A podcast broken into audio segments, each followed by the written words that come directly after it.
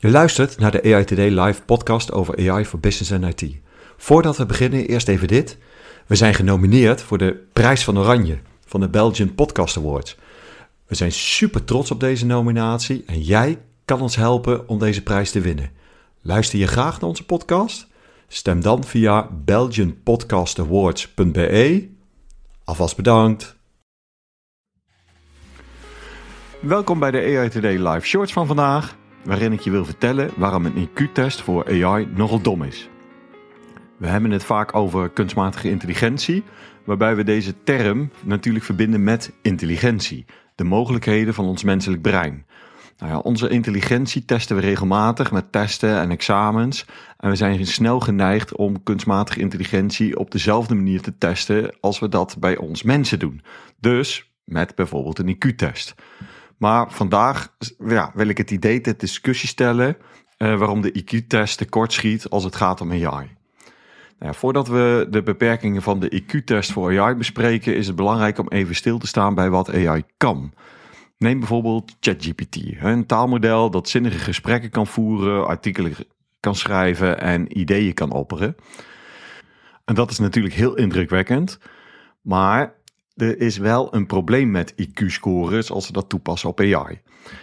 Laten we eens even gewoon kijken als voorbeeld uh, naar uh, mijn kleindochter. Uh, toen ze vijf jaar oud was, kon ze machtsverheffingen van twee opdreunen.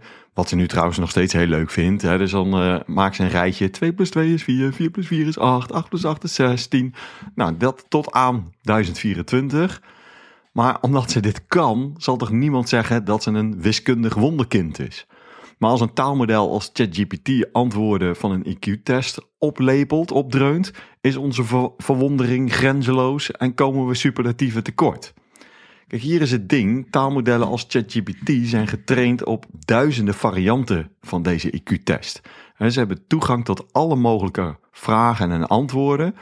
Dus als het model antwoorden uit een standaard test geeft, kunnen we dat niet echt intelligent noemen. De IQ-test kan simpelweg niet de ware mogelijkheden van AI vastleggen. Die IQ-test is namelijk ook niet ontworpen om de intelligentie van machines te testen. De test werd voor het eerst ontwikkeld in de vroege 20e eeuw door de Franse psycholoog Alfred Binet. En het oorspronkelijke doel van de test was om kinderen te identificeren die extra hulp nodig hadden op school. Hij ontwikkelde een reeks van taken die, naar zijn mening, de zogenoemde nou, tussen aanhalingstekens mentale leeftijd van een kind zouden kunnen meten. Deze taken omvatten zaken als het onthouden van lijsten van woorden, het kopiëren van figuren en het definiëren van bepaalde woorden.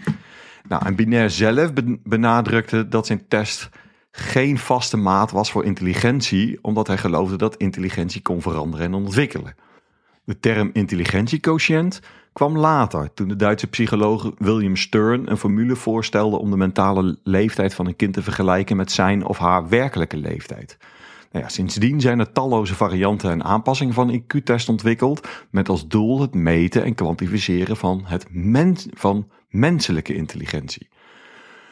En ja, bovendien moeten we, als we het over intelligentie hebben, erkennen dat mensen over heel veel verschillende soorten intelligentie beschikken, toch? We weten dat menselijke intelligentie vele vormen kent, zoals emotionele intelligentie, sociale intelligentie, creatieve intelligentie en nog veel meer.